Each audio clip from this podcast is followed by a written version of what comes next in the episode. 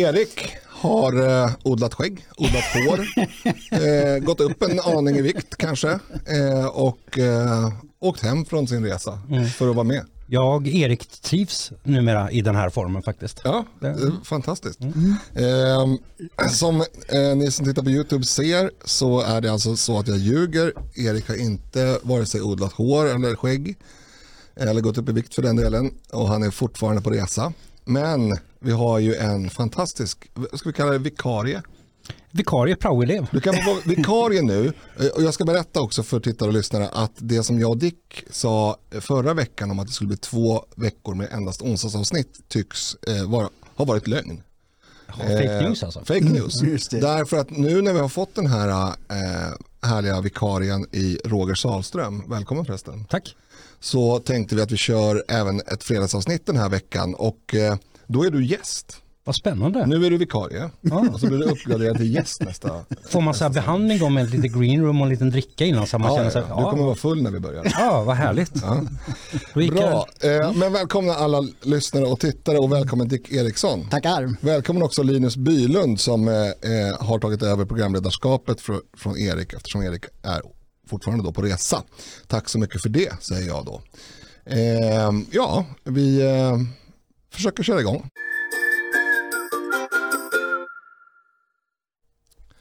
Dagens ämnen. Draksådd börjar ge effekt. Islamister världen runt kräver svensk anpassning.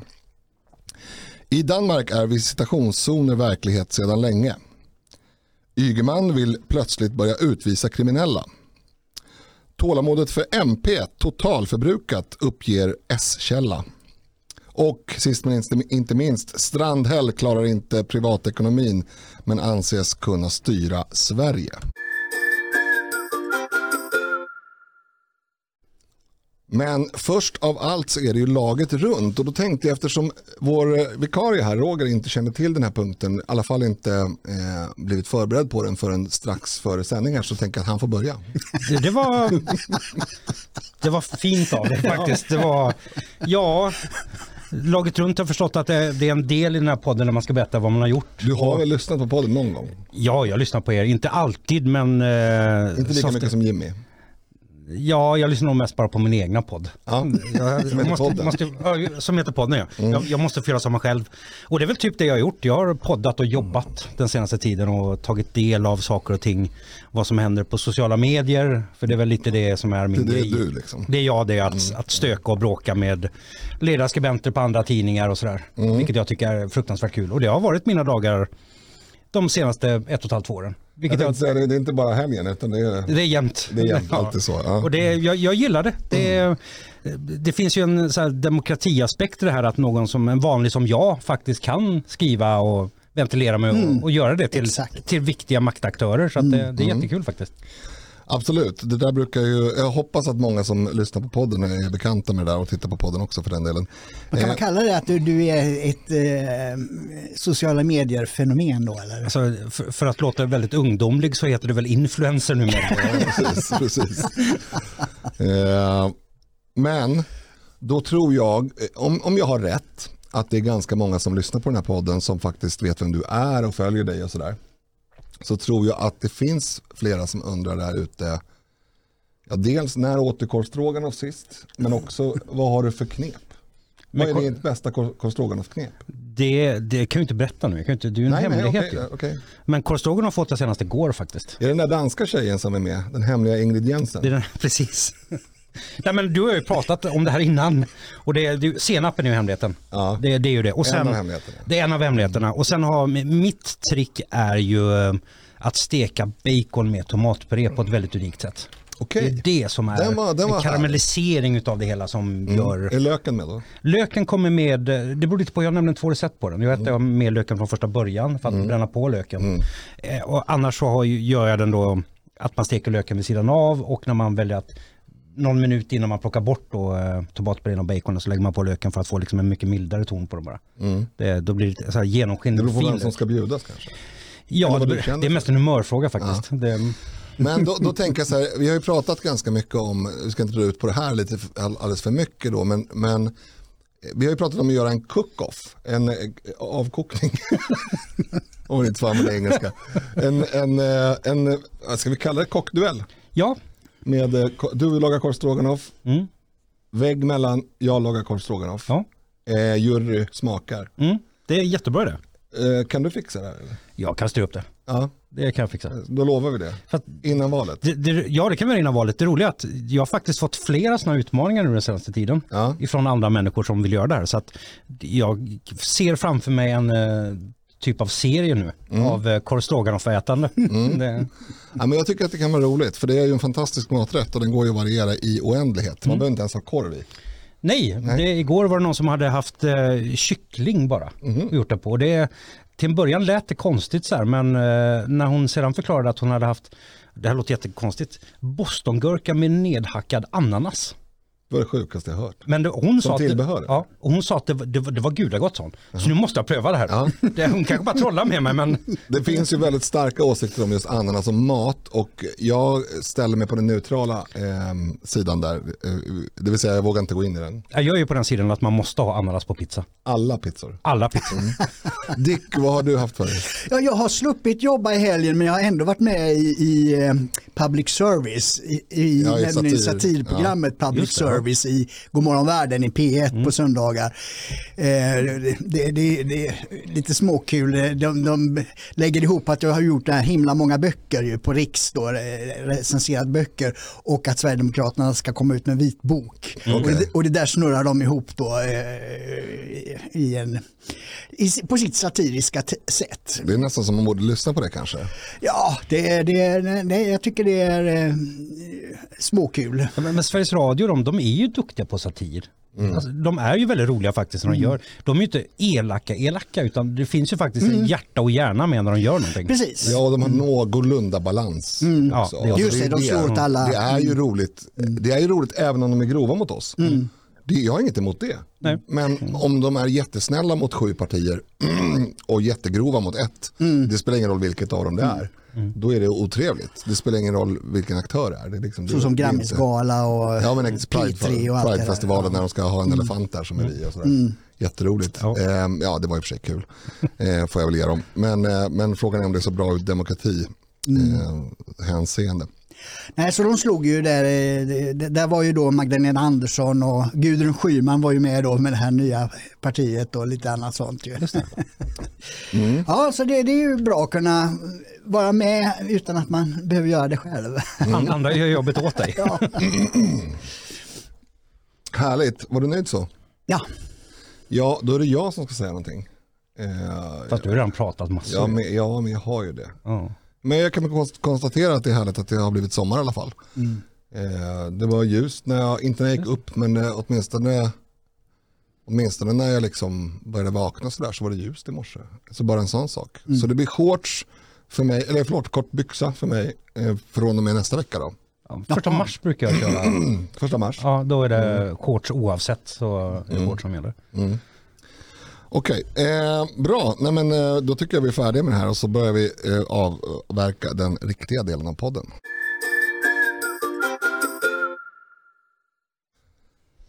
Eh, draksådd börjar ge effekt. Islamister världen runt kräver svensk anpassning. Dick Eriksson. Ja, just det. Nej, men det, det är ju väldigt bra att, att eh, det Doku, stiftelsen Doku eh, har gjort har fått stor uppmärksamhet. Att de har granskat det här. För det har ju pågått en längre tid. Att man i arabiska länder eh, eh smutskastar och, och eh, vad heter det, driver konspirationsteorier kring svensk socialtjänst. Att de eh, tvångsomhändertar barn för att eh, göra dem kristna och ännu värre saker. Då.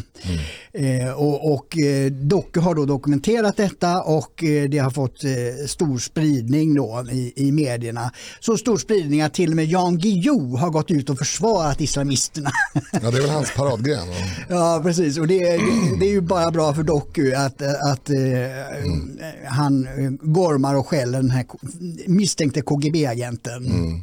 Så att, eh, nej, det, och det här visar ju liksom, det, det är en draksådd, jag skrev det i en ledare, liksom, att om man tar hit till Sverige flera hundratusen människor på kort tid som kommer från en helt annan kultur, då säger all vetenskap att den, den blir väldigt svår att integrera och då blir det så att de har mer kontakt med sin gamla kultur än kommer in i den nya. Och då är det så att stater i andra länder, och framförallt det muslimska, är ju diktaturer. Mm. Och när de tar barn, då, då är det helt rättslöst och helt eh, av någon konstig anledning. Och det ja.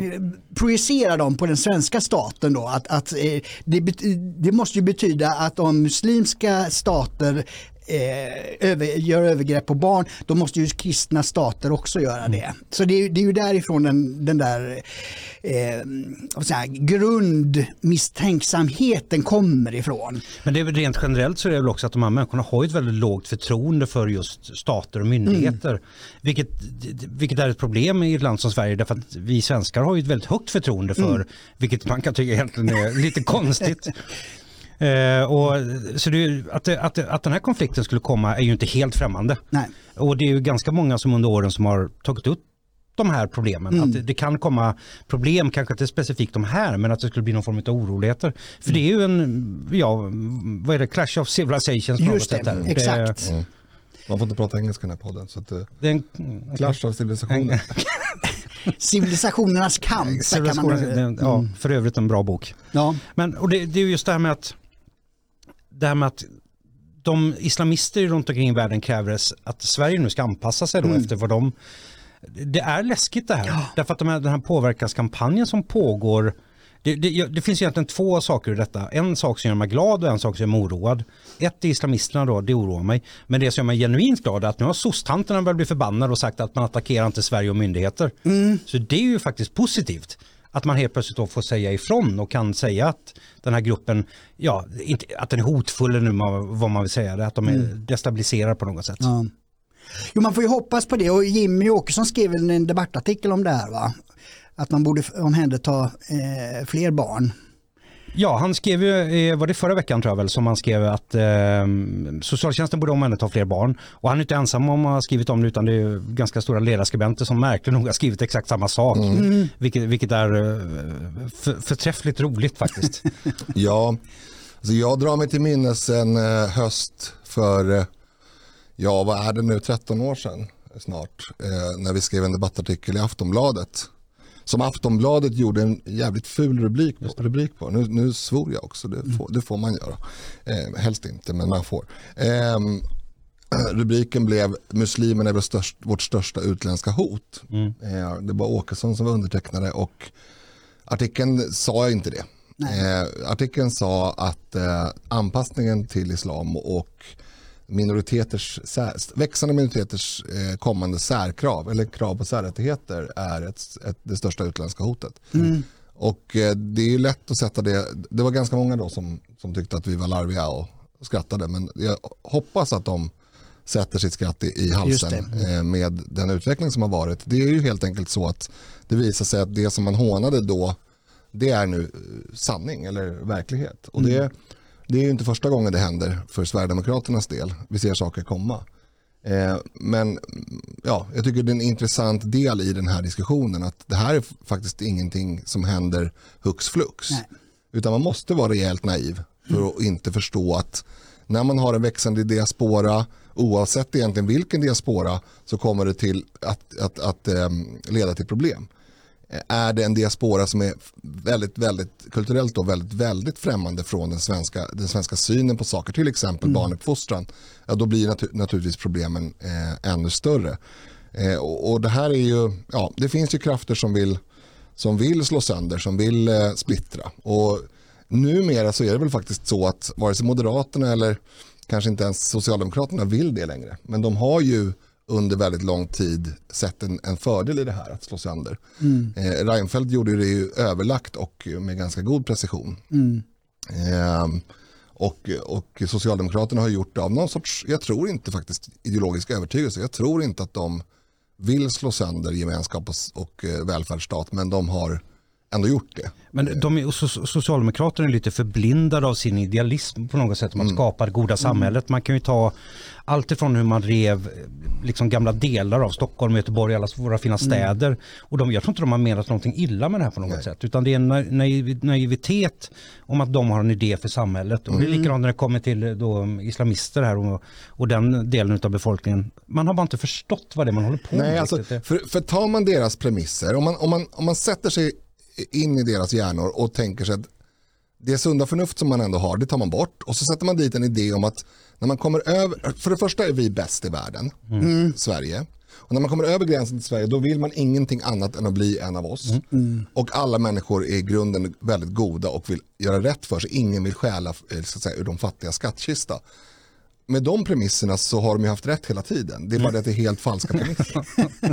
det är fantasivärld. Ja, och det är inget nytt. Alltså, det finns ett ordstäv som heter vägen till helvetet är kantat av goda avsikter. Mm. Och det är precis det här vi är inne på återigen nu. Mm. Det, det, gäller ju kommunism generellt sett. Alltså Pol Pot var ju den värsta eh, mm. exemplet som tog död på en tredjedel av landets befolkning. Mm. Därför att han ville kommunism, mm. liksom, det goda samhället. Mm. Döda en tredjedel av... Alltså det, det är märkligt att människan har en förmåga att dra iväg i utopier. För mm. det, det, det är idealism och utopism. Men är det en liksom. mognadsfråga det här? Att socialister har svårt att bli ja. liksom mogna bara? Jag tror det och jag kan belägga det med ett eh, rent faktum och det är att de allra flesta människor är socialister någon gång i sin uppväxt. Det är, mm. en, det är en, hos någon normal människa en fas. Mm. Eh, jag kommer ihåg när jag eh, vädrade för min far att det här med kommunism är väl ändå ganska smart då. Att man, man gör det man klarar av under dagen i arbete och sen så får mm. alla lika mycket. Och då var jag kanske nio eller tio år. Mm. Jag kommer ihåg var jag var.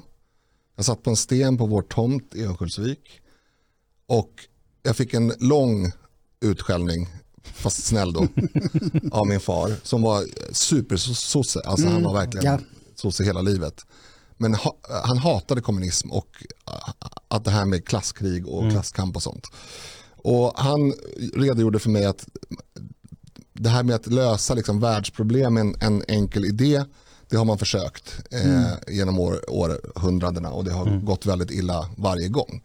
Eh, och eh, även gick in på det här med att det är bra med, med människor som har olika både förmågor och inkomster och så vidare. Eh, det var nog lite för mycket för vad jag fattade då. Men mm. jag fattade ju det sen. Mm. Eh, men just det du säger med utopister, jag tycker att det är nog kärnan här. Det är nog, det är nog så att är man inne i en, för att skillnaden mellan framför allt socialistiska ideologier och konservatism är ju grundsynen på människan. Mm. Och grundsynen på människan i konservatismen är att människan är felbar, kanske till och med ibland ond. Mm. Och man måste bygga alla system för det faktumet. Ja. Detta faktum. Mm. Eh, man kan inte bygga system utifrån, för, för, att det, det tankefel jag tror att man gör när man är socialist, eller liberal för den delen, det är att man själv är så himla duktig och bra och god. Mm. Och då tänker man att om alla ändå vore så här fina och bra, mm. då skulle vi ha en fin värld. Och teoretiskt sett så skulle det teoretiskt sett kunna vara sant. Ja, men då är vi inne på en mognad. Men det händer ju inte. Mm, ja, nej. nej. Det, det, är ju en mognadsgrej ja. det här bara. För att jag kan också tycka att när jag var 15 så hade jag ju den absolut bästa synen på, på världen och människor. Men ge barnen Afrika mat så slipper de svälta. Mm. Så lätt ja, var det. Men det, är det inte, var en lösning. Ja, men så enkelt varför är det inte. äter de inte bak? Ja men, ja, men typ, varför, ja, men det var ju på den nivån. Ja. Och det, jag förstår väl på något sätt det här det grundläggande grejen med, med socialism och kommunism. Om man tar islamism också, för att islamismen, den politiska delen då, har ju ganska många likheter med, med synen på människan och hur staten ska mm. bedrivas och sådär. Jag kan väl tänka så här, men visst det är ju jättefina idéer, men liksom när du sitter mm. där på din sten, mm. det, det finns en verklighet och verkligheten mm. går inte att förändra på det sättet som man, som man önskar. Nej, men flytta, till en, flytta alla som tycker en viss sak till en ö. Mm och låt dem bygga sitt samhälle då. Så mm. får vi se om tio år hur det ser ut. Mm. Antagligen så har de kommit på att de ska göra på samma sätt som vi gör. Ungefär. Ja. Nej, och, och skälet till att socialdemokratin var så framgångsrika under 1900-talet, eh, världens mest framgångsrika parti i en demokrati, måste man erkänna att sossarna var, mm. det var ju att de kombinerade den här sociala ansvar med realism, med mm. folkhemmet, med mm. konservatism. Mm. Alltså jag jobbar ju också med äh, gamla gråsossar när jag kom ut i, i arbetslivet i början på 80-talet då, på Statens järnvägar. De var ju alla, alla socialdemokrater men de var ju oerhört angelägna om att de skulle försörja sig själv och sina familjer. När de råkade ut för ett eh, ras av huset i, som rasar ner i Göta älv mm. så var det ju så att försäkringspengar tar tid mm. innan de kommer ut och, och då sa man ja men ni får gå till socialen. Mm. Och den här gubben var skitförbannad, mm. aldrig under min döda kropp att mm. jag går till socialen. Mm. Och det var ju en, en stolthet, en, en arbetsmoral och en syn på sig själv mm. i förhållande till samhället mm. som då sossarna byggde på. Mm. Och då kan man ha system för, för de som ändå hamnar krisigt till, för de, man överutnyttjar inte systemen då, Nej. om man har den grundinställningen. Men sen kom Palme och liksom alla nya generationer blev, vi har rätt till skatt skattepengar. Och det, då är det ju en helt annan sak hur systemen ser ut. Mm. Och det där har sossarna fullständigt tappat. Mm. Ja, men alltså, vårt system är ju byggt ut efter att människor ska vara lojala mot ja. det gemensamma. Ja, ja och det, det är ju en konservativ, precis som du är inne på, alltså, ja. socialdemokratin är en konservativ rörelse mm. på det sättet. Eller men vad var, var det? Ja, precis. precis. Och när man då just, när man övergår från att, att liksom för, förärva och förvara och ta hand om det du har mm. och bara tar det för givet och säger det här är min rätt då har du tappat den, den konservativa tanken om mm. det. Och då blir det ju som det blev med Palme och med mm. att vi börjar bygga en, en, en välfärdsmaskin som på många sätt, det fanns en god idé med det, men mm. den, den blir för given på ett sätt som inte gynnar någon. Man har massa rättigheter. Man har, ja. precis, men inga skyldigheter. Inga ja. nej precis. Nej, och det är det som är konservativt, att man, man står på fast grund mm, och har just eh, klart för sig att allting blir inte enligt planer utan man måste testa sig fram och se vad som fungerar. Mm, mm. Och då kan man bygga successivt bygga ett bra, och det var ju det som hände på 1900-talet. Ja. Mm. Men nu har vi ehm, hamnat snett. Det har hamnat snett och nu finns det krafter som, eh, ja, jag vet inte, man kan nämna det här partiet Nyans. Mm, just det, de är ju delaktiga i den här kampanjen också. Ja, mm. och de, de, de är ju, ur min synvinkel så är de nyttiga i någon mening. Alltså, det, är ingen, det, är ingen, det är inget positivt med att sådana åsikter och eh, sån syn på samhället eh, är dold och, verkar, Nej, och verkar mm. och växer i fördolda. Utan det, det, är bättre då att det kommer fram. Mm. Eh, ja, det är ju ett kvitto på att vi har haft rätt hela tiden. Mm. Man kan inte göra så här med ett land. Nej. Nej, utan det, precis. Nej, det är det, det, det som är bra att Nyans visar att det finns krafter i Sverige som motverkar den svenska lagstiftningen. Och det, och det är ju så, Koranen och Sharia är ju inte kompatibel med demokrati eftersom Nej. man ställer religionen över. Mm. Och det är det som gäller. Sen kan man ha eh, mm. under... Världsliga lagar under. Ja, precis. Mm. Och det där måste liksom flera förstå i det svenska samhället. Det har vi ju liksom ett av de stora problemen eller, som vi brottas med. Då. För mig själv då, jag är ateist och jag tror benhårt på det sekulära samhället och vill att ett samhälle ska vara sekulärt. Mm. Stat ska vara sekulär. Men sen om människor vill vara religiösa och andliga, det har jag absolut inga problem med. Mm. Men när det kommer till finansiering och sådana här saker, ja men då får de ju finansiera det själva. Mm. För jag tycker inte att staten ska vara med och finansiera sånt där. Mm. Men idén om, om det sekulära samhället, det är ju någonting det måste pratas mer om det. Tror jag. Mm. Det måste lyftas mer om betydelsen av den. För en stor anledning till att Europa har varit ett mer lyckat civilisationsbygge är just att man, man separerar ja. Gud från makten mm. helt enkelt. Mm. Och det, vi kan inte gå tillbaka till det för vi Nej. vet ju vad som händer. Mm. Exakt, och det, och det är märkligt får man väl säga att jag menar, det är ju inte så att människor i arabvärlden är dumma i huvudet. Nej. Utan det finns, ju, det finns ju väldigt stora tänkare även där. Och jag tycker att det är märkligt att man inte har dragit den slutsatsen att kolla här nu, problemet är att vi håller på att bråka om vilken del av vår religion som man ska följa så har vi ihjäl varandra mm. Mm. och så har vi konstiga domstolar som dömer utifrån vad en farbror skrev för 1400, 1400 år sedan. Mm. Eh, drygt. eh, och eh, titta där borta, där har de eh, bestämt sig för att göra på ett annat sätt och det går väldigt mycket bättre. Mm. Istället så drar de slutsatsen att de är förtryckta mm. och då får de hjälp mm. av Anders Lindberg och andra ja. i den tanken. Ehm, och det är ju, det är ju ytterligt grunt intellektuellt sett. Det, det, där är ju faktiskt jättekul. Jag, jag låg och tänkte på det nu i helgen och började fnissa åt mig själv egentligen hur just ofta. den här gruppen då är, att de är kränkta. Då börjar man tänka så här, vänta nu, ni har ställt till med massa oreda och förlorat typ enda krig ni har dragit igång med för att en annan stat som är mycket mindre än er och mycket färre människor har vunnit över er varje gång. Mm. Hur kan ni vara ett off i det här? Ni har mm. bara failat med en krigsföring. Mm. hur är ni offer? Men de här mekanismerna som Jan Guillou då gärna han skyddar dem och försvarar dem. Jag bara, varför kan ingen bara säga nu räcker det? Nu pratar vi ärligt om de här frågorna istället. Ni har förlorat era krig, då dikterar de här villkoren, ni har inte rätt till den här marken, ni har inte rätt till det här och så vidare och så vidare. Och så vidare. Nej, jag tror att det, det, det handlar om en, en, en så enkel sak som klansamhället. Liksom. Att, Ja. och, om, om samhället är organiserat i klaner och släkter då, då är man alltid kränkt mot de andra Det- och det är så man kräver ut sina rättigheter mot de andra. Medan en rättsstat, då är det liksom faktum som gäller. Då är det där med hur, hur illa jag mår beroende på vad någon har gjort. Det är inte väsentligt utan det är vad som är gjort och vad straffet ska vara för det. Eh, då kommer man undan det där tjafset. Men vi har ju glidit in i, i det där, eh, in i den mentaliteten mer och mer, inte minst i medierna. Liksom. Ja, men det är ju identitetspolitiken Ja, som har skapat exakt. det här. Mm. Att Det är en klan- det är en klan. Det är precis klanlogik, det. ja. Mm. Och, det, och by- bygga samhällen eller ordning och reda utifrån några yttre eller inre saker på det sättet. Mm. Bara, är du högerhänt eller vänsterhänt eller om du har en röd mössa? Bara, nej men det funkar inte. Nej. Det går inte. Nej. Men det är bra att det har kommit upp på ytan i alla fall. Men Ja. det är en draksådd och nu, nu får de som har orsakat det här eh, verkligen bära hundhuvud för det. Ja, det bör, då borde börja med att ställa sig med mössan i hand och be om ursäkt. Ja, just det. Eftersom Det eh, det är så många som har sagt emot. Nej, eh, jag vet det. Nu kör vi nästa ämne. Woho!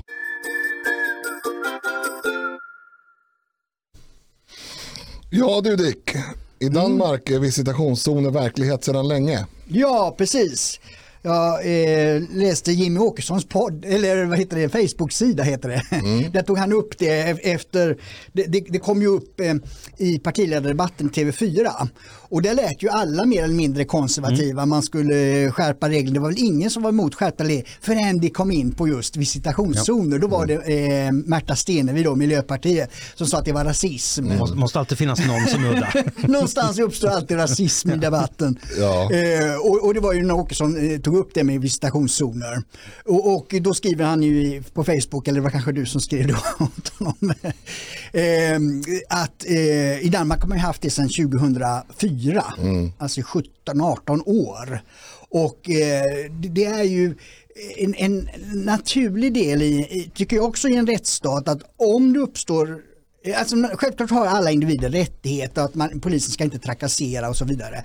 Men liksom i vissa områden, vissa tillfällen så uppstår ju situationer där läget är mer allvarligt och tillspetsat och riskfyllt. Och då måste också ordningsmakten kunna skruva upp sina eh, verktyg för att bemöta detta. Och då är visitationszoner ett sådant sätt att göra det på. Så att det, det är ju helt rimligt att införa det. Jag håller med. Eh, eh, jag tycker det är väldigt konstigt med de som har argumenterat mot detta. Eh, för många sätt det drabbar då tredje person och vanliga civil, men civila folk. Och det bara, ja, det finns väl en viss risk för det. Men det är inte så att polisen jagar Anna-Greta 46 med fyra ungar som kommer ut från ICA. Det är inte de som drabbas av det här. Sen att de är inom den här zonen, absolut. Men polisen vet ju vilka de här kriminella ungdomarna är och vuxna människorna. Så det, de, det handlar om att skapa ett område där de enklare kan hantera det här helt enkelt. Och kanske redan tidigt sätta stopp för saker. Ta som igår en skjutning, det var två skjutningar igår. Hade det funnits visitationszoner så hade polisen säkert kunnat stoppa bilen två timmar tidigare på ett visst ställe och ta ett vapen från platsen. Så hade vi haft en kille som hade varit i livet idag. Och det här med inskränkningen på friheter, jag förstår inte riktigt det där. Därför att när du går på konsert blir du visiterad. Ja, när, just du, det. när, du går på vi vissa har redan krogar. Jag har visitationszon redan, ja. När du går på vissa krogar får du gå igenom en båge idag. Det, så att, och det, problemet är att de som klagar mest om detta är ju de som har skapat allt det här också. Just det. De vill ju inte ta något ansvar för det här och det är faktiskt provocerande. Men jag tänker också ur ett, om jag sätter mig i liksom brottslingens perspektiv, eller sits, det som händer är väl sannolikt att när man, när man utlyser en sån här visitationszon så blir det bara väldigt lugnt. Ja. För att om man nu har eh, 10 gram hasch i fickan så, går man ju inte, så rör man sig ju inte i den zonen. Nej, man får en kilometer längre att gå. jättefarligt, det är inte ett jättestort hot mot alla andra att man har 10 gram hasch i fickan. Men om man har en pistol i fickan eller om man har en trunk i baksätet eller bakluckan med vapen. Då, då kommer åtminstone det här området som man utlyser som, som vis- visitationszon bli något lugnare under en period. Och det kommer finnas tyvärr redan idag och det kommer finnas även i framtiden situationer då det vore väldigt, väldigt mycket värt för de som bor där. Att nu har det varit, jag menar det har ju varit varenda, i varenda förort, som, alltså om man tittar genom åren, har det ju varit liksom några sommarkvällar där det har varit i princip krigsstämning. Ja, men inför en visitationszon där, rensa torget. Det är klart, det, det flyttar sig buset, det förstår jag också. Det är inte så att man kommer till rätta med allt genom att göra så. Men det är ett, ett steg på vägen, framförallt för vanliga människors trygghet. Och jag förstår inte varför man vill förvägra människor i utsatta områden eh, trygghet i lokalsamhället. Nej, nej, det är Men, men vi har ju en krock här på något sätt. eh, Det här med att vi har då, alla de här människorna som klagar mest om detta, de pratar om de här liberala friheterna vi har. Och det, de, de vill att alla människor ska ha friheter och det vill jag också. Men vad gör du när person X inte vill gå med på de här sakerna, inte skriva under på det här både medvetna och omedvetna kontrakten vi har i samhället. Då måste ju staten eller polisen måste gå in och vid- vidföra någon form av åtgärd. För annars är det vanliga människor som förlorar på det. Exakt. Alltså, vi kan inte ha en lagstiftning som gör att den som sköter sig eh, blir drabbad och den som inte sköter sig vare sig får straff eller eh, på något sätt på annat sätt Nej. blir, blir så att säga straffad. Eh, men jag, jag vet inte, det är väl ingen som har sagt så här, de här zonerna ska vi ha som visitationszoner, utan det är ett verktyg. Så att det, det kan ju lika gärna vara Södermalm. Men jag tror inte att så många på Södermalm skulle börja gråta om, om vi gjorde Södermalm till en visitationszon. Nej, nej, Eftersom de inte har, eh, alltså de skulle ju snarare skyddas av det. Eftersom det skulle vara då ditresta människor som är ute i ond gärning som, som eh, eller ont uppsåt som, som skulle bli visiterade kanske. Mm. Eller som åtminstone skulle vara, behöva vara rädda för det. Precis, men det anledningen till att det blir kontroversiellt är just det Märta Stenevi logiken går ut på, det vill säga så fort en åtgärd är riktad mot eh, ett område där det finns invandrare, då är det rasism. Och det är ju just den- denna, denna märkliga logik som gör att det har hänt så lite. För det har gjort att alla har ryggat tillbaka fr- från att vidta några åtgärder och då har man lämnat de kriminella att expandera och att bli ännu starkare under den, den här tiden. För att det- är ju självklart så att man ska inte titta på eh, bakgrund och, och eh, hårfärg, hudfärg och sånt när man ingriper. Men är det så att det finns ett område där det är många som begår brott, då måste det kunna eh, särbehandlas oavsett hur de människorna ser ut. Ja men exakt, det handlar ju inte om att använda det som kriterium. Nej. Hade det varit så att vi ska ha visitationszoner där folk har hög, eh, hög grad av vad heter det, melanin. eh, då, då hade jag hållit med henne. Men jag gissar att kriterierna för en visitationszon har med helt andra saker att göra. Eller jag, jag vet det. Eh, och därför så blir det här jävligt ihåligt. Det är lite som att säga att, det, att svenskarna har utsatts för eh, extrem rasism från staten de senaste åren eftersom vi har pumpat in pengar i de här problemområdena i form av eh, massa extra anslag till skolor och annat. Det är ju rasism också i så Ja, det fall. är inte, precis, det är inte lika, lika för alla utan vissa har fått mycket mer till skolor och så vidare. Och, och, Det är rasism. Mm, ja, precis. Jo. Nej, men det är just det, den här anklagelsen eh, kommer alltid som på automatik Ja. liksom från, från vänsterhåll. Och, och det är den som, och det tycker jag alla måste tänka på, det, det är den anklagelsen som har gjort att ingenting har gjorts under så Mm, lång men tid. är det inte så, nu, nu, det det här, den här slänger jag ut till båda er, men kanske mest till Roger.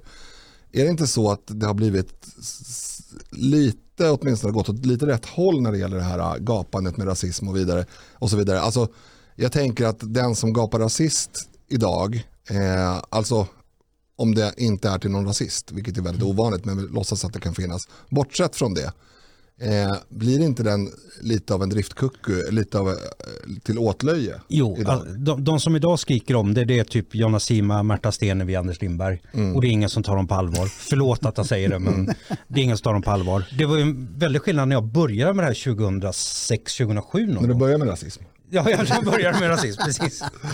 Men då kunde de inte ens skriva någonting ju. Då kunde de inte ens, ja, man kunde inte ens ta upp LOs Mm. hantering av arbetskraftsinvandring och de har varit hårdare än vad jag tror faktiskt Sverigedemokraterna vill vara när det kommer till Mm. Ja, arbetskraftsinvandring. de är isola- isolationister när det gäller Mm. Exakt det, det är bara typ stänga allt och ingen. Och det, det är inte ens de sakerna gick att prata Nej. på Facebook eller Twitter utan det var bara de här extremt konstiga påhoppen på en gång. Precis. Och- Nej, men jag kommer ihåg det, jag, jag poddade ju under 00-talet men jag slutade... Nej, bloggade. Poddade gjorde du nu. Bloggade, just Bloggade. det. Jag Du vet, bloggade. det, är papper på internet när man skriver. Jag vet inte om du känner till det. Min, min mun hänger inte med. Eh, jag bloggade ju och hade en, en blogg som var ganska stor då på eh, 00-talet. Men jag slutade 2010 att göra så många inlägg utan gick in i heltidsjobb istället. För att det var just hela tiden när man tog upp frågor. Och, och och eh, efter Sverigedemokraterna kom in då "Ja, men nu resonerar som Sverigedemokraterna.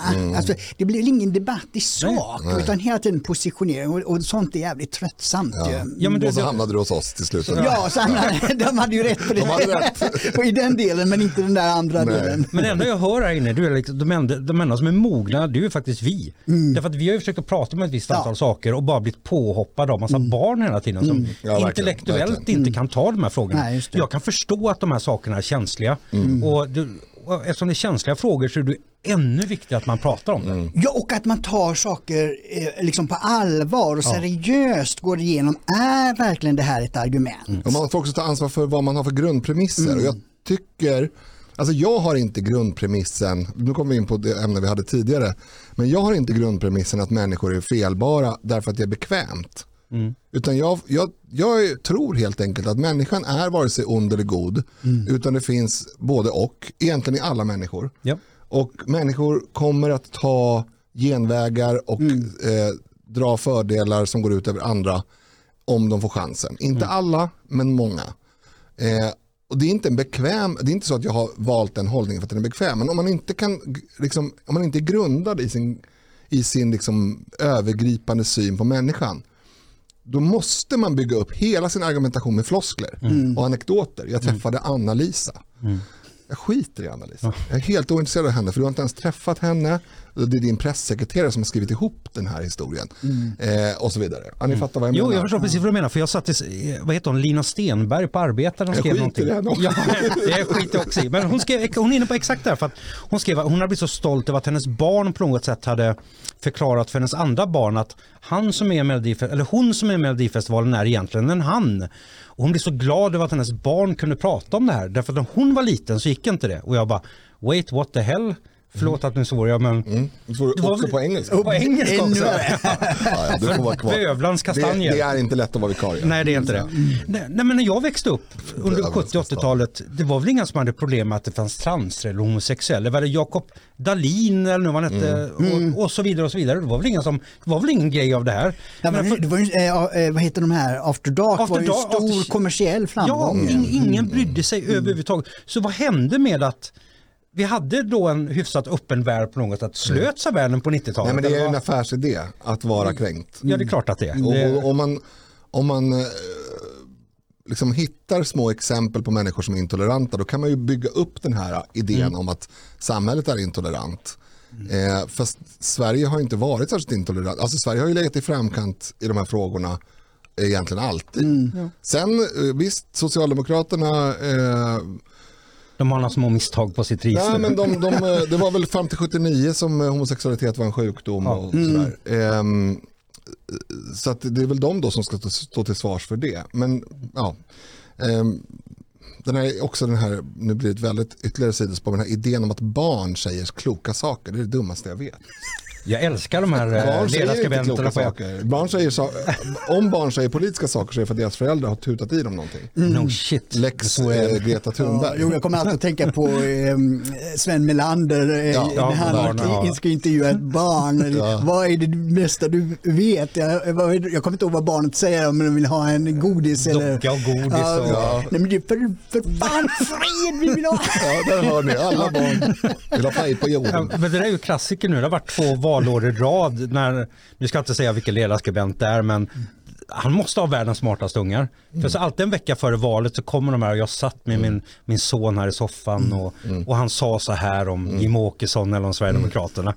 Och jag bara okej, din unge är typ nio år och han har större bredd och analys av verkligheten Men socialen borde åka hem och hämta Ja, barn. faktiskt. Man, man misshandlar inte barn på det sättet. Nej, absolut inte. Det, Eh, jag, jag, jag har ju tre någorlunda stora barn och så här, de har verkligen vetat från början att de, pappa är sverigedemokrat, Jimmy är hemma och äter middag ibland, Mattias är ofta hemma hos oss och dricker whisky.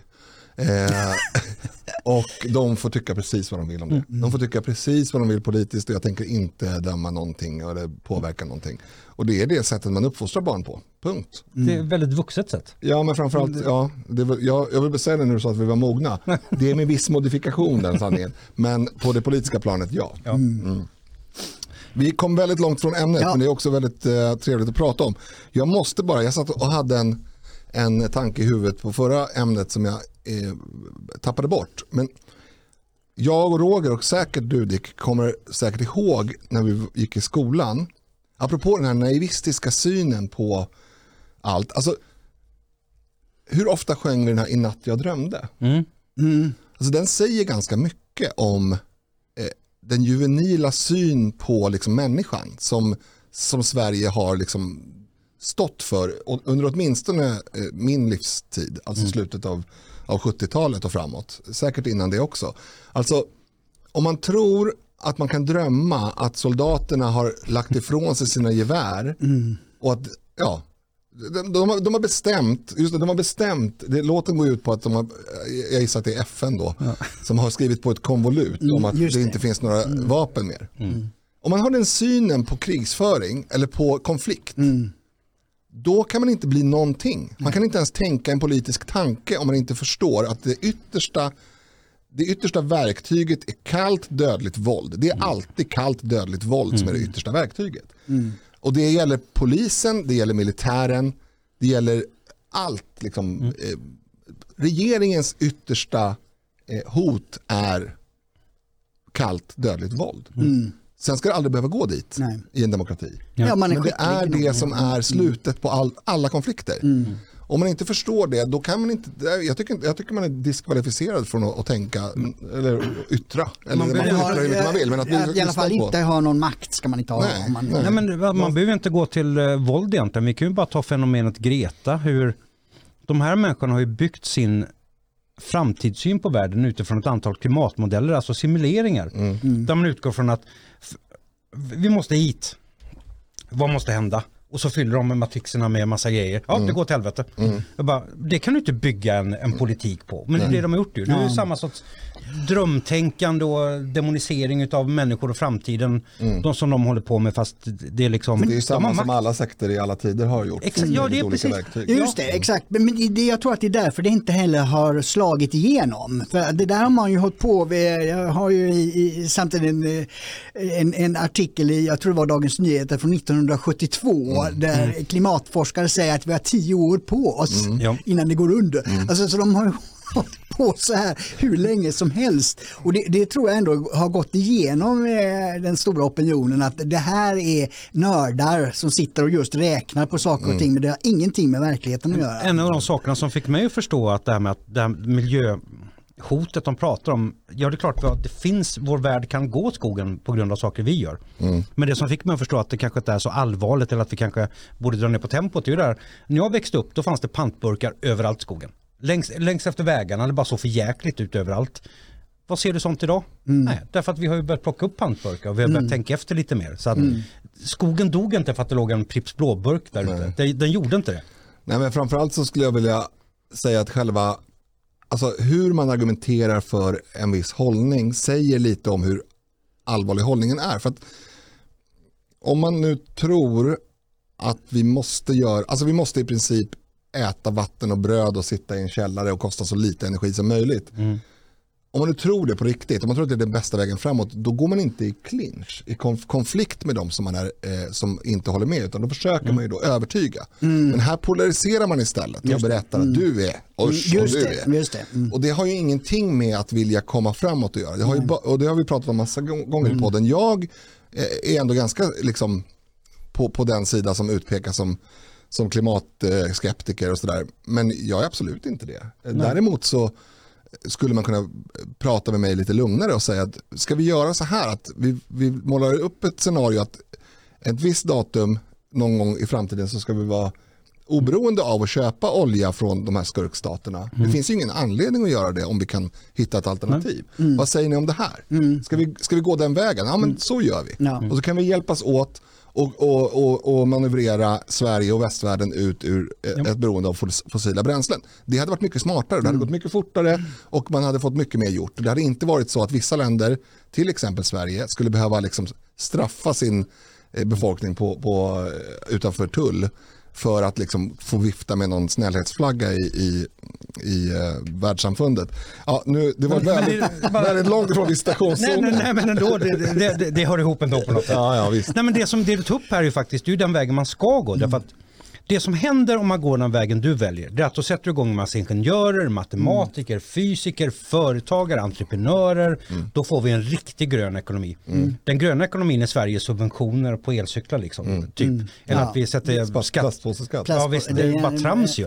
Jag vill se liksom människor som är engagerade och arbetar och strävar framåt och då, då kommer de här förändringarna av sig själva. Absolut. och ta eh, problemen eh, där de finns och där de uppstår. Och där, därför blir det ju, tycker jag, väldigt tragiskt när Prem eh, la ner sitt nya eh, eller byggandet av nytt raffinaderi i Lysekil. Det skulle ju bli världens mest rena eh, raffina, eh, vad, he, vad säger man? Raffinaderi. Ja, re, rening utav och, och skapande utav bensin och diesel. Eh, Därför att Miljöpartiet tycker att då, då skulle Sverige släppa ut mer. Och så istället läggs ju den produktionen då i sämre Ja. fabriker Ja. så att det, det blir mera utsläpp än vad det skulle kunnat bli. Därför att man har ett ideal. Ja, alltså det finns ju, liksom- om man nu tror att det där förbudet mot det där eh, raffinaderiet skulle vara eh, ett stopp av, av nämnda raff- raffinaderi, ja då kan vi se någon viss logik, men det kan ju ingen ha trott. Nej, nu- Du förstår väl att det görs någon annanstans.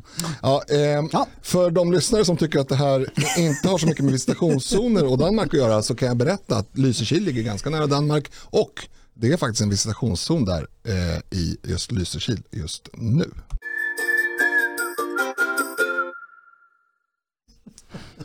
Dick påpekade att jag ljög här i slutet av förra, och det gjorde jag, men det var på skoj. Eh, Så det får man då.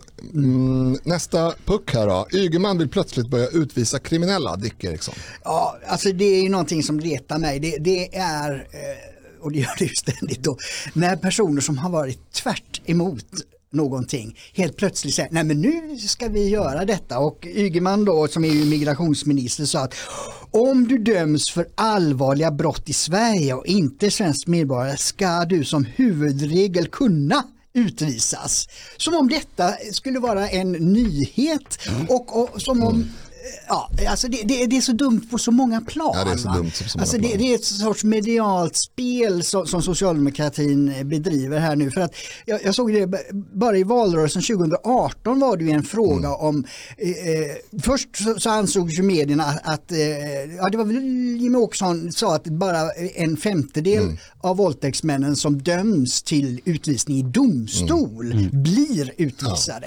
Och då hävdade det ena och andra att det var fake news, men det visade sig att det var ju ungefär så. Det var ju inte fake news, det var 20 procent. Ja. Ja, det var 20 procent och de som döms till utvisning efter att ha begått grova som faktiskt Och då var det dessutom avvisade. alldeles för få som dömdes till det. Ja, exakt. Va? Så det, alltså det första Ygeman borde göra om han var seriös det är att se till att alla de som är dömda till utvisning faktiskt lämnar landet. Det är ju det första kvalitetskontrollen på en socialdemokratisk regering. Är att se till och det borde ju medierna göra nu. Kolla, hur många utvisningsdomar eh, för våldsbrott finns det och hur många är kvar i landet?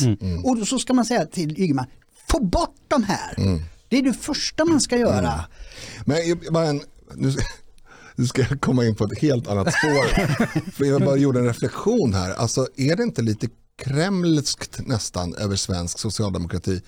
För nu är det Anders Ygeman som är migrationsminister. Och en annan dag så är det Morgan Johansson. Och, och, och nu, är det, nu är det Magdalena Andersson som är statsminister. Men hon var ju, eh, hon var ju eh, ekonomisk politisk talesperson. Eller Finans- till och med finansminister. Ja, just det. Eh, Alltså är det inte lite, kommer ni, kommer ni inte ihåg när Putin var tvungen att avgå för att, för att han hade suttit för länge och då Ja, det, fick ja. han den här Medvedev ta över. Men Putin var ju hela tiden i, i, i bakgrunden. Han var premiärminister Han var då. Mm. premiärminister då istället. Och så kommer han tillbaka Och så kommer han tillbaka fyra- då. Är det inte lite samma? Ja, jo, det är det. Det är samma namn och, då, och, då, och det, blir, det blir så här, jaha, har ni inte fler för det första? Och för det andra, så här, ska ni verkligen ha samma namn? För problemet blir att ni ändrar ju er politik Mm. så mycket att det här med att det är samma namn gör det ännu mer patetiskt. Mm. För att det är samma namn som har sagt eh, vi ska krossa gäng, gängkriminaliteten nu i jag vet inte hur många decennier. Mm. Det är samma namn som har sagt vi ska utvisa 80 000 sa han, Mm, sa han Ygeman före valet 2018. Ja. Fyra år sedan. Mm. Kom igen. Ja, förlåt, det var en liten... Eh, Nej men det, det, det är så det är och det är lite det som är, eh, vad ska man, ge- vad ska, man kan ge Socialdemokraterna beröm. De vet precis vad man ska säga och göra för att behålla makten bara. Det, för det är bara det det handlar om. Det handlar om att få behålla den socialdemokratiska makten och den socialdemokratiska demokratin. För de bryr sig egentligen inte om Sverige eller den svenska demokratin utan de bryr sig om sitt. Och därför är de så duktiga på det här. Och det, det blir precis, det blir en komedi det här. Men Ander, hur många chanser har Anders Ygeman fått nu? Jag vet inte och han har misslyckats varje Och då gång. pratar vi ändå bara bortsett från alla skandaler. Ja, Alltså det, det här pratar vi om riktig politik, att man har liksom helt misslyckats. Om vi dessutom blandar in alla konstiga förehavanden och liksom märkliga, och inte bara Anders Ygeman, jag menar vi kommer till Strandhälsa. Alltså det är ju det är en parodi på parlament, eller på parlamentarism. Ja. Men det, det är lite kul nu om man tar då Kent Ekeroth då som, det Anders Ygeman säger då var ju det Kent Ekeroth pratade om en gång i tiden. Mm. Han stod i plenisalen och sa och Anders Ygeman suckar och tittar i taket och tyckte Mm. det här, så här kan man inte tänka och så kan man inte göra. Nej, det är ju så fruktansvärt. Ja, och nu står han och säger exakt samma saker själv. Mm. Och det, för den då som hänger med lite i politiken och ser de här svängningarna, jag, jag kliar mig på huvudet och bara, varför reagerar ingen? Tror du att det kan vara skånskan som var problemet? Det kan vara så. Eftersom An- Anders Ygeman säger på, på stockholmska. Ja det kan nog vara det. Jag har ju aldrig sett att skånska skulle vara en del av Sverige, att Skåne skulle vara en del av Sverige. Så det, det kan nog vara det faktiskt. Nej, men det som saknas är att vi har riktiga journalister ju. Mm. Eh, för att ingen journalist följer upp det som händer och sker egentligen utan de väntar på skandalerna. Då gör de grejer. Men vad är liksom de här journalisterna som dagligen bara ska hålla helikopteröverseende på saker och ting och komma med någon form av vettig analys av vad som sker. Men det har vi inte längre. Nej, det, det är avgränsat nu till 30 minuter. Ja, typ. Det, Vad heter han? Holmberg? eh, Anders Holmberg, ja. Holm- Eh, det sänds för övrigt ikväll. Jaha.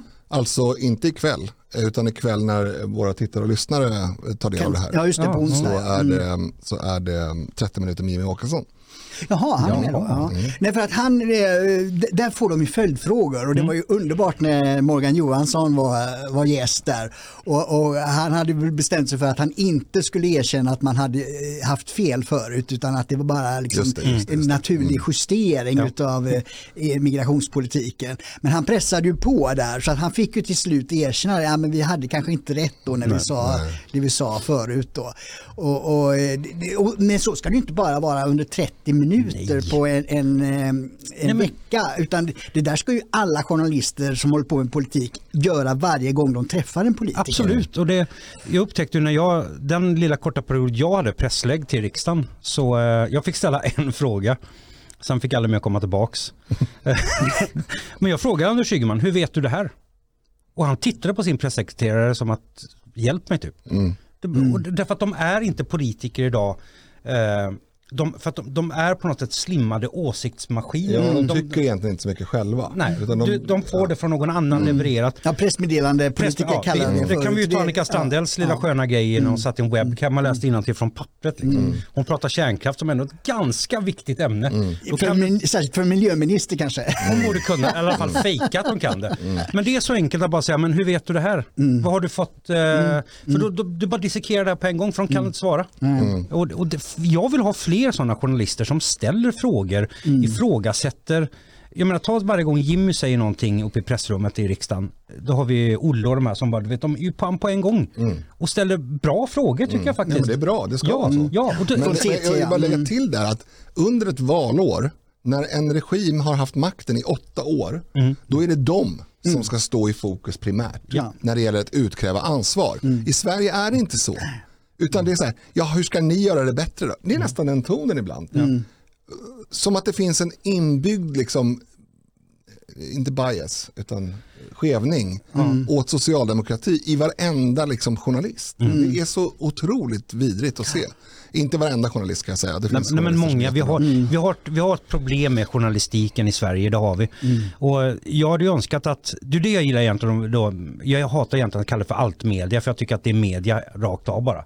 Nu kan man ge dem mycket kritik för saker de har skrivit om och, de har, och så vidare. Men dess funktion är att faktiskt ta i de här frågorna som ingen annan vågar ta i. Det har varit nödvändigt.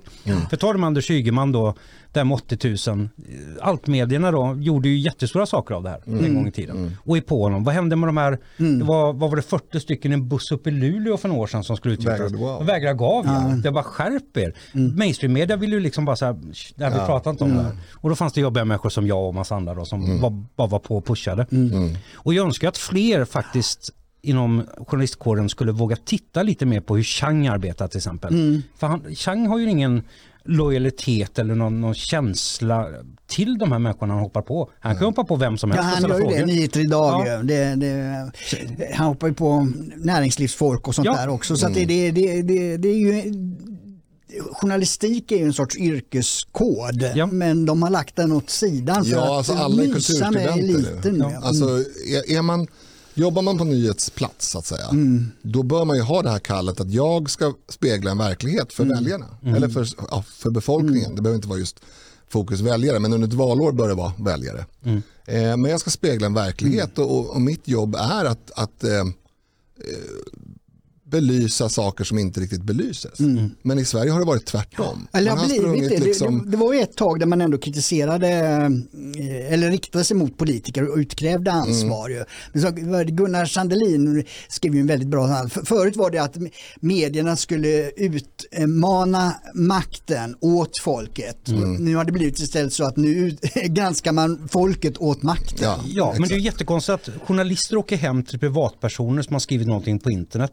Men inga journalister åker hem i Annika Strandes trädgård. För så borde det vara. Journalisterna borde stå i hennes trädgård just nu och bara stå där med kamerorna.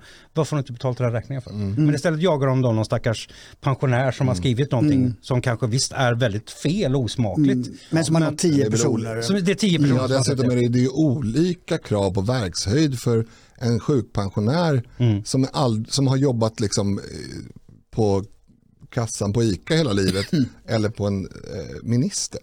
Alltså det, det är kra, kravet på liksom att man kan uttrycka sig på ett rimligt sätt ökar ju naturligtvis ju närmare liksom den Ja, absoluta självklart. toppen man kommer. Och det, det är ju, ja, jag tycker att eh, sjukskrivna eh, ICA kassörskor kan få skriva ganska mycket vad de vill faktiskt utan att jag höjer på ögonbrynen. Sen kan jag tycka att det är dumt. Ja, och så, men man ska också komma ihåg det att de lever ju i en verklighet som politiker oftast inte gör. Exakt, Och det är därför de ska få uttrycka sig. Därför att om jag hade varit en verkstadsarbetare, få höra i bilen hem att det här och det här har hänt. Mm. Det är klart som fasingen att när jag kommer hem och ska äta min middag med min unge att jag kommer att vara förbannad. När jag loggar in på min Facebook kommer jag att ventilera det här. Och det ska du få göra. Ja, verkligen. verkligen. Bra. Ehm, det, det var detta om Ygemans Ja, det- snack om att börja utvisa Vi tror kriminella. inte på det. Nej, det är väl Nej, valfläsk exakt. i sin renaste form. Just.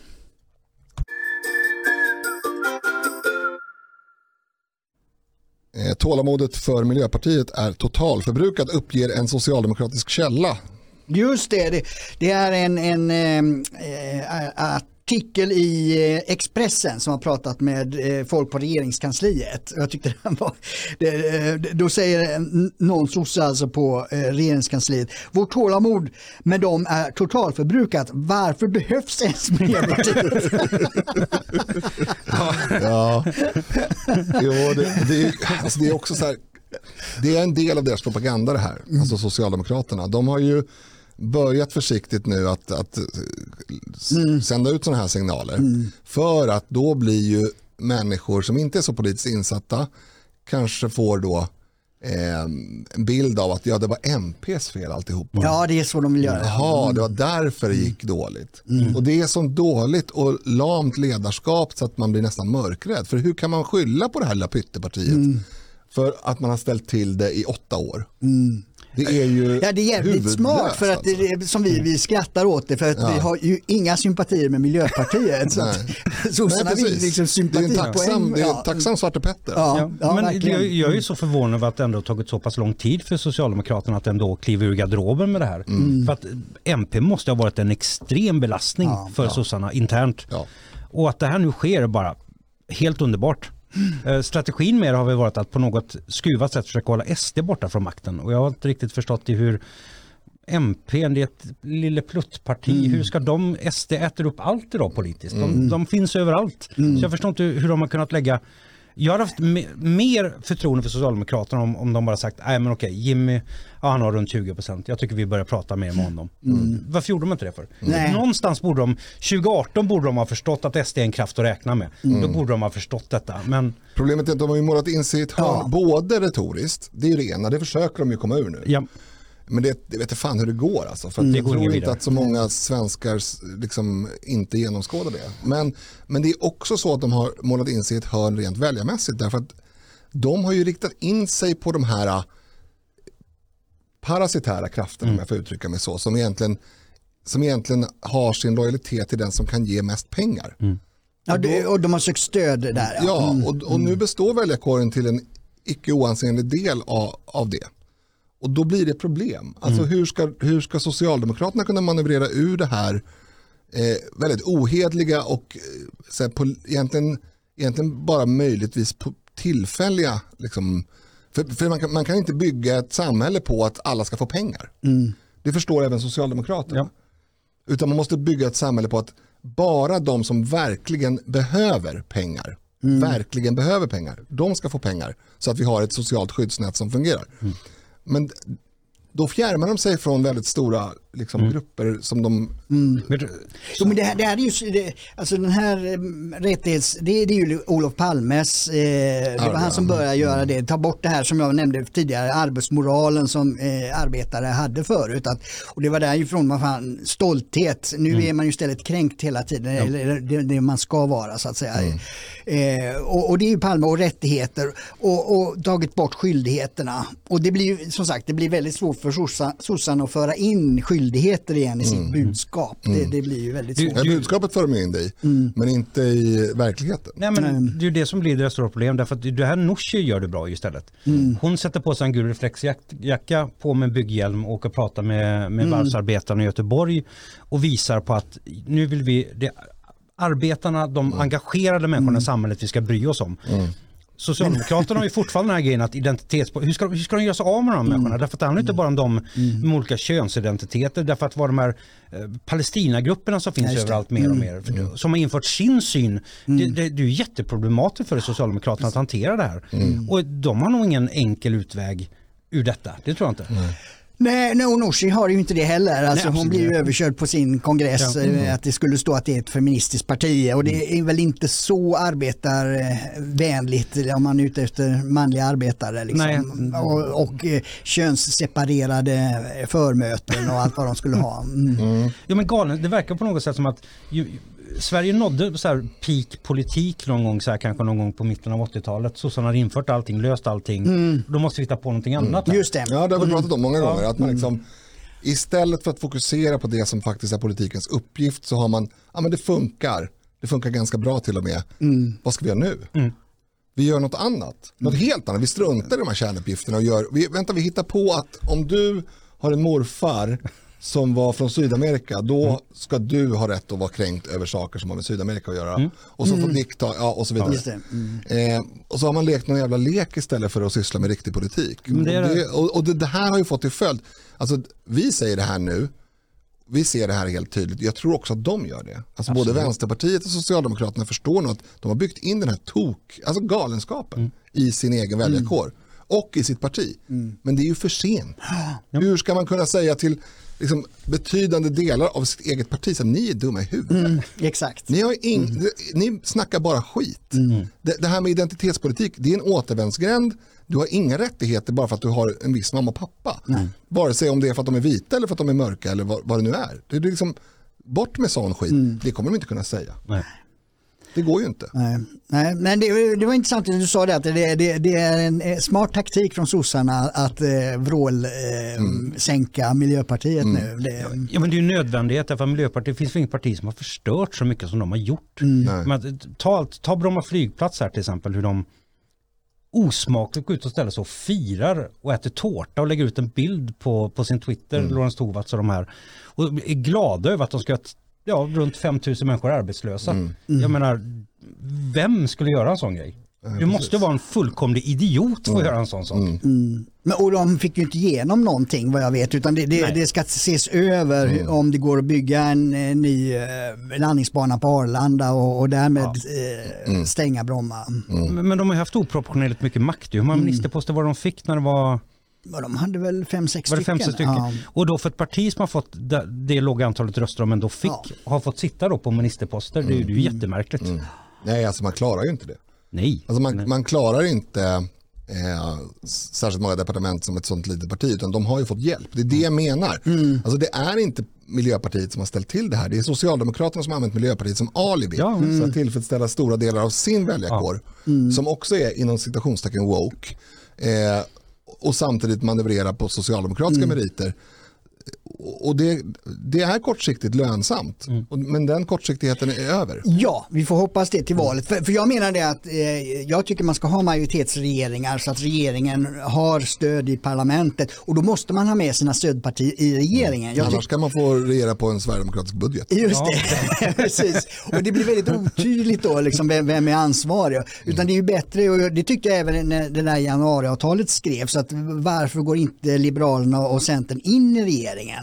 Så att det, eh, regerings, de som har majoritet i riksdagen också ingår i, i regeringen. För då får de ju faktiskt lösa den där uppgiften. Och då blir det också tydligt för väljarna att röstar jag på sossarna så får jag Miljöpartiet på köpet. Problemet då blir att då måste ju både Nyamko och Annie ta ansvar för det som har hänt. Och det Ja. vill de nog inte göra. Nej, och sen Annie är väl lite, hon är väl ungefär lika väck som Woke är egentligen så att det, hon har ingenting att satsa på heller. Nej, alltså det är väl Annie Lööf och Annie Lööf som person och Miljöpartiet som varumärke som är de största svartepettrarna just Ja, nu. Precis. Men det måste ju göras klart i valrörelsen att en röst på Socialdemokraterna är en röst på de här två andra också. Det, det, de krävs för att sossarna ska kunna komma i regeringsställning. Så det är väl bäst att låta bli kanske. Ja men det är bra, det är kul att Annie Lööf har blivit en garanti för att vi ska få mer socialism. Hon som har stått och skrikit alla år att hon vill inte ha socialism. Och, hon sa, och det är sånt där också som retar mig. Hon, hon sa att Margaret Thatcher var en, en idol för henne.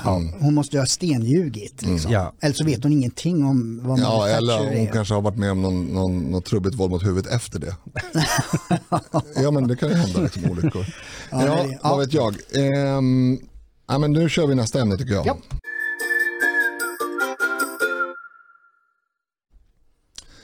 Annika Strandhäll klarar inte sin privatekonomi men anses kunna styra Sverige. Ja, jag, jag tog den rubriken från sociala medier. Jag kommer inte ihåg vem det var nu som, som skrev just det, det är väl väldigt märkligt att eh, eh, ministrar kan hamna hos Kronofogden hur många gånger som helst genom att de inte klarar av att betala sina egna räkningar. Men ändå förutsätts de kunna styra Sverige då och halva ekonomin. Det, jag tycker det är en bra eh, tankegång och det beror ju på att förra torsdagen då så registrerades en ansökan om betalningsföreläggande från Värmdö kommun riktad mot Annika Strandhäll som inte betalat avloppsavgiften till kommunen. Och när DN då ringde upp henne så sa hon att hon hade betalt, vilket när DN kollade visade sig bara vara halva halva räkningen. Hon hade inte betalt avgiften för Kronofogdemyndighetens, då, ja det blir förseningsavgifter. Så att hon har ingen pejling överhuvudtaget på vad Ja, ekonomi jag pratade om det är. här förut. Hur kan, alltså, jag är en slarvig fan. Mm. Men jag har aldrig varit i närheten. Jag, jag har aldrig varit i närheten av det. Och, och jag är väldigt slarvig. Och jag, och som jag sa i det avsnittet vi pratade om det, jag har haft perioder för 20 år sedan när jag hade väldigt dåligt med pengar. Och det var vända på varenda krona. Eh, Det kan det vara nu också, men det är mest för att man, man mättar mun efter matsäck. eh, men att hamna så, att, att ignorera. Ja. Så, det är det det handlar om. Det är ignorans. Det, och det är därför det är allvarligt. För jag har ju också missat, särskilt nu när nu får man räkningar på sms och Ja, mail och Mm. i bank, eh, internetbanken. Och ibland blir det så att man har inte godkänt eh, be, Mm. betalningen, det har hänt. Med. Men när jag får en påminnelse då betalar jag. Jag menar det, för det är ju så många steg mellan- ja. ex- i- hos Kronofogden. Utan det där är fullständig maktgalen nonchalans Mm. som både Mona Sahlin och eh, Annika Strandhäll eh, visar upp här. Och sådana ska ju absolut inte ha makt över någon annans pengar. Ja, men här kan vi också se, hade vi haft riktiga journalister så hade, du, inte, då hade det där drevats bort. Därför att vi kan ju ta då Reinfeldt-regeringen, det var väl både missar med tv-licenser och grejer. Och folk, ministrar fick gå på grund av det. Därför att journalisterna var på det som en blåslampa. Ja, och det konstiga där är ju att det borde inte i den tidens borgerlighet vara någon särskilt stor grus i maskineriet att man inte betalar tv Nej, alltså, eh, det- och det, det är så fel på så många sätt när det gäller Cecilia Steger då, som ju utsågs till kulturminister och som inte betalt tv-licensen. Dels hade hon bott i Tyskland ett antal år och då finns det ingen anledning att betala tv-licens i Sverige. Och så då kommer hon hem och då är hon ju en gammal muffare så att de var emot tv-licensen ju. Så hon gjorde ju det av politiska Ja, det var skäl. så lät bli och, ja. ja. och då när hon blir påkommen om det då springer hon gatlopp och ber om ursäkt eller ja, vad hon nu gjorde för någonting och, och, och tvingades avgå. Eh, Medan eh, det var väl eh, Tobias Billström va? Han hade inte heller betalt men han sa ju då, nej men jag har inte gjort det av politiska skäl och, och, eh, men nu som minister måste jag väl betala. Liksom, Ja, det är ju rimligare tycker jag. Ja, alltså då är det ju en politisk eh, handling man gör och, och då får man ju vä- värdera den utifrån vad man tycker. Men, men det och det är ju någonting annat än den här maktgalna nonch- nonchalansen som Men jag är tror en också image att för om jag, sossarna. om jag ska vara ärlig så tror jag att Moderaternas tidigare och kanske nuvarande otroliga eh, förmåga att alltid vika sig och be om ursäkt ändå är eh, Alltså visar vi då Socialdemokraternas motsats, att man ställer upp för varandra. Alltså de, de hugger inte huvudet av varandra om de inte absolut måste. Jag menar titta på hon, eh, vad hette hon Johanna, hon som skrek svartskalle till någon, någon eh, ehm, Ja, just det, SSU-ordförande. Just det, ja. Jag menar, till och med hon, som ju då fick gå på dagen, hon fick ju rektorstjänst på en, for, en av sossarnas folkhögskola några dagar senare, eller några veckor senare. Ehm, och det är ju det är så man tar hand om det sina enligt socialdemokratisk. Och jag, någonstans kan jag finna en viss sympati i det. För att eh, jag tror inte att vare sig, vare sig Anna Sjödin, Anna Sjödin. Nej, jo det kanske stämmer. tror det. Var så länge sedan. Ja, det jag tror inte det. att vare sig hon eller för den delen eh, Sverigedemokrater som har gjort liknande saker eller moderater som har gjort liknande saker, egentligen så här, har någon rasistisk utgångspunkt. Ja. Hade, hade, hade man kommit på henne med att liksom skriva ett långt rasistiskt manifest, då hade det varit en sak. Men om man, om man från partiets sida ser så här, ja men okej, hon var apfull, sne, snefylla och uppförde sig illa mot en människa och har bett om ursäkt. Eh, vi ser till att hon inte hamnar liksom på bar backe. Jag tycker det finns något sympatiskt i det.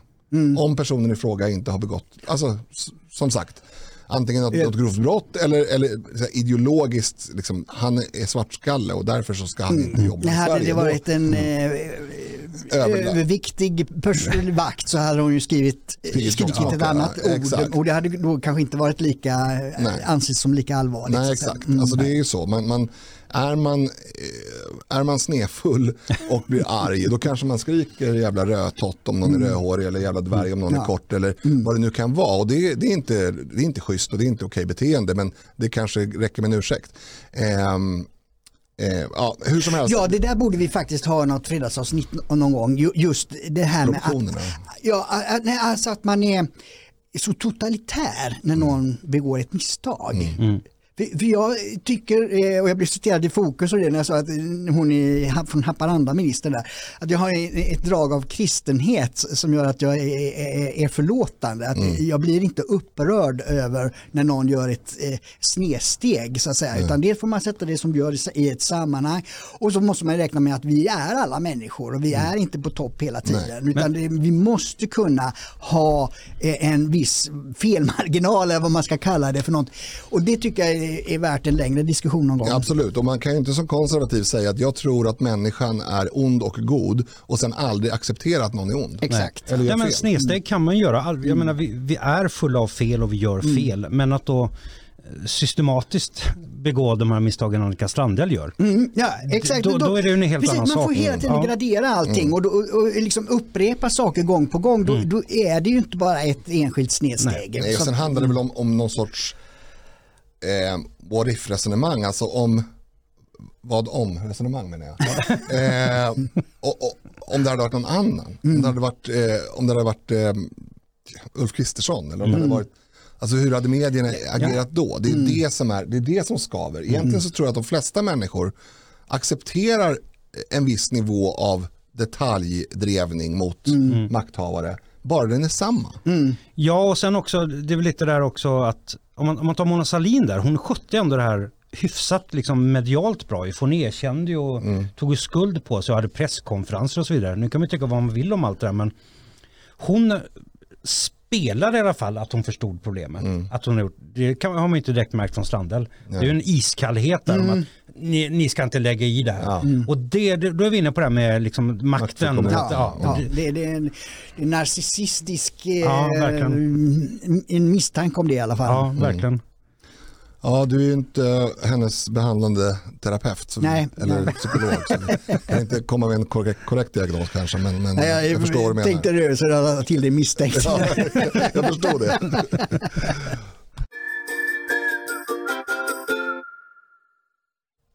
Ja, jag har ju inte riktigt gjort min läxa här som man ska göra som programledare så jag vet inte ens hur länge vi har hållit på. Men det är antagligen väldigt länge känner jag. Eh, för tiden rinner ju iväg när Roger är med oss. Ja, just det brukar vara så. Jag är Ja. en sån tidsspillare. Ja. Ja, jag bara men det är tar bra. tid och äter upp Det är tid. bra. Jag tror Alltså- Stephen King har skrivit en bok om tidsätare. dig. ja, den handlar om mig egentligen. Langolier är nästan dumt han heter. Det handlar om saker som äter upp tid. Jätteflummig bok faktiskt. Eh, Okej. Eh, mycket, ja, den, den är ju creepy på Stephen Kings konstiga sätt. Mm. Men det är just det här konceptet att det förflutna äts upp på något konstigt Jaha. sätt. Är det är- någonting du kanske ska recensera? Ja, just det. Nej, just det. Jag tycker hans gre- grejer är äckliga. Alltså, Ja, de men- är vid, alltså, det, det berör, alltså, den är han ju skicklig då. När det Mm. var, för det flesta, ja, det där är bara på. Men hans grejer är Ja. ju verkligen så att det biter. Men det, det där perspektivet låter ju inte, det låter ju intressant. Ja, Jag har svårt för hela genren eh, att man ska bli, bli indragen i någonting jobbigt. Alltså det gäller även film. Eh, som tur är så är min hustru likadan. Vi brukar prata om det, så här, den här eh, kategorin skräck på, eh, på Netflix eller vad man nu använder för plattform. Den har vi, vi är aldrig inne där. För att jag har gjort analysen att en skräckfilm är antingen dålig eller dålig. Antingen är den dålig för att den är bra och då blir man rädd. Vem vill bli rädd? Varför vill man bli rädd? Vad är det för jävla knäpp idé om att man vill bli rädd? Det är det ena. Eller så är den dålig och då är den bara dålig. Då är den bara dålig. Och det är ganska ofta dessutom. Jag förstår inte varför man vill bli rädd. Jag kommer inte läsa den här boken om den är läskig. ja, fast det läskigaste han har skrivit är ju det faktiskt. Så. Ja, den, den är, är- mer psykologiskt konstig. Så här, att Den har jag faktiskt den- inte läst men jag har ju sett film, den nyaste filmen i alla fall. Ja. Hemskt dålig film. Ja, filmerna är dåliga, både faktiskt den första också egentligen. Jag jag Men den böckerna är, det-böckerna är bra de. Men jag- det med skräckfilm faktiskt, det har jag faktiskt inte tänkt på på det sättet att de är dåliga eller dåliga, för du har en poäng i det. Du har det. För alltså- att antingen är ju en skräckfilm bra för att det finns då en, om man tar det fredag den 13, det finns en berättelse kring en mamma som har förlorat sin son och ett sommarläger och då ska den här vålnaden hämnas då på alla ungdomar som, är, som ungdomar är. Eh, eller så är de bara splattriga. Det är bara så stänkscener och det är inget kul ju. Nej, jag, jag har aldrig förstått det där. Och det var någon som sa så här, men du, du gillar ju liksom att, att bli rädd fysiskt. Jag, jag kan tycka att det är, jag, jag, om, jag, om jag går till Gröna Lund, jag ställer mig gärna i kön till fritt fall. Mm. Det är inte för att jag tycker att det är särskilt, särskilt roligt, men jag mår bra en stund efter. Och det beror ju på att man har fått den här urladdningen. Man har ju varit, hela kroppen har känt att nu kommer du dö. Inom några sekunder kommer du vara död. Och så eh, dör man inte. Helt förvånande. Eh, och det är en fysisk, alltså jag menar jag kan tycka att läskiga scener i bra filmer är bra. Men om filmen går ut på att jag ska bli rädd, vilket skräckfilmer gör, det förstår jag inte alls. Nej. Varför skulle jag vilja bli det? Nu har du sabbat typ resten av mina helger för hela mitt liv här. Tack Ja, men jag tycker ändå det, det, det är ju en känsla, när- det, det, som är vanligt är ju action och thriller och det är ju att skapa en spänning så att säga och det är ju också Det en jag, känsla. Mm. ja, men det har jag inget emot. Och, och det beror på att Alltså jag kan tycka att en actionfilm där du har puls från Mm. scen 1 till slutet, den, den är lite dålig också. Det, det ska finnas den här dramaturgiska Mm. utvecklingen och actionscenerna ska vara till för krydda i, i storyn och så Mm. vidare. Och samma sak med thriller, det kan vara skitspännande men det får Mm. inte vara liksom det enda. Det är därför du bara ska se gamla James Bond-filmer. För de följer verkligen det här dramaturgiska. Ja, just alltså. det, just det. ja. Mm. Eh, nej men alltså det, smaken är som baken, man får gilla skräckfilm, jag har bara aldrig förstått det. Nej. Ehm, och det gäller väl samma sak med skräckböcker höll jag på att säga. Mm. Sen är det också, det handlar ju om ett, alltså, vad, vad har man för arbete? Vad, vad gör man på dagarna? Det där märker jag jätteofta hemma när, vi, när jag kommer hem och, och vi har en vardagskväll jag och, och hustrun och kanske att sonen har somnat och, och, och äh, yngsta dottern är med oss eller, eller på sitt rum, spelar ingen större roll och så ska vi kolla på någonting. Hon har ju då, i alla fall nu sedan nio månader tillbaka varit föräldraledig och har otroligt eh, låg stimulansnivå på dagtid. Alltså det är inte jättekul att vara med en bebis. Särskilt inte när det är en pandemi så man kan inte träffa folk heller. Nu börjar det luckras upp men, men hur som helst. Jag kommer hem från en hektisk dag på riksdagen med liksom 14 000 bollar som flyger och jag har säkert tappat någon och det är min grundkänsla att det här är skit. Jag kommer, jag kommer bli utskälld för någonting som jag har missat. Det är liksom min grund. Jag vill ju liksom, Slappna ja, helst vill jag ta en stor whisky. Men Ja, det har jag slappna. förstått att det ska man inte göra varje dag. Det hörde jag på radio. Eh, så det undviker jag. Då vill jag ju slappna av. Mm. Jag, vill, jag vill ju se någonting som är ganska hjärndött eller åtminstone stimulerande på något annat sätt än stressande. Just det. Jag vill inte ha en liksom så att, ja, det kan ju vara så att om man, om man gör andra saker på dagtid så kan man tycka att skräckfilm är fantastiskt. Vad vet Mm. jag? Men min, min dag är som en skräckfilm ibland. Kanske det- det är där skriv det en bok om det. Ja, ja, kanske. Ha, vad, hur kände du att det här gick då Roger? Mm. Det kändes jättebra. Kände du att du hade en väldigt stor kappa att så att säga Det ut? alltså jag sitter med två proffs. Ja, jag tänker på Eriks. Det, det är Eriks kappa du har. Ja, men alltså Erik är en ganska enkel människa. Jag kan säga så här, du har, Nej. du har failat på, på ett sätt faktiskt. Jaha. Eh, jo, för Erik ställer väldigt mycket dumma frågor. Ja, Det har du jag, inte riktigt klarat. nej, jag är ju så här, jag ställer bara dumma frågor till viktiga personer. Ja, precis. Nu lät du det jättefel Ja, jag faktiskt. förstår. Det var inte så det var tänkt att komma ut. Nej, Nej men skämt åsido, Erik har ju som uppgift att ställa dumma frågor, ska vi verkligen komma ja ihåg. Mm. det, precis. Det är ju en... Då kunde ni ju sagt det. Ja, det har vi sagt flera gånger i podden. Ja, innan till dig, ja. Ja. det hade vi kunnat gjort. Jag tycker det är jag kränkt. Jag hoppas att lyssnare och tittare tycker att det blev lika bra som jag tycker att det blev, eller jag tror att det blev. För Man tycker inte så mycket om ett avsnitt som man precis har spelat in. För det, Mm. man, Det måste känslomässigt landa. ja, så här. man måste nästan se det eller lyssna på det för att veta vad man tycker. Men jag tror Ja. eh, att det blev bra. ja, det håller jag med om. Du håller med Dick? Ja. Då tycker jag att vi tackar tittare och lyssnare eh, och säger att vi återkommer på fredag. Tack för Just. att ni har lyssnat och tittat. Ha det bra, hej! Hej!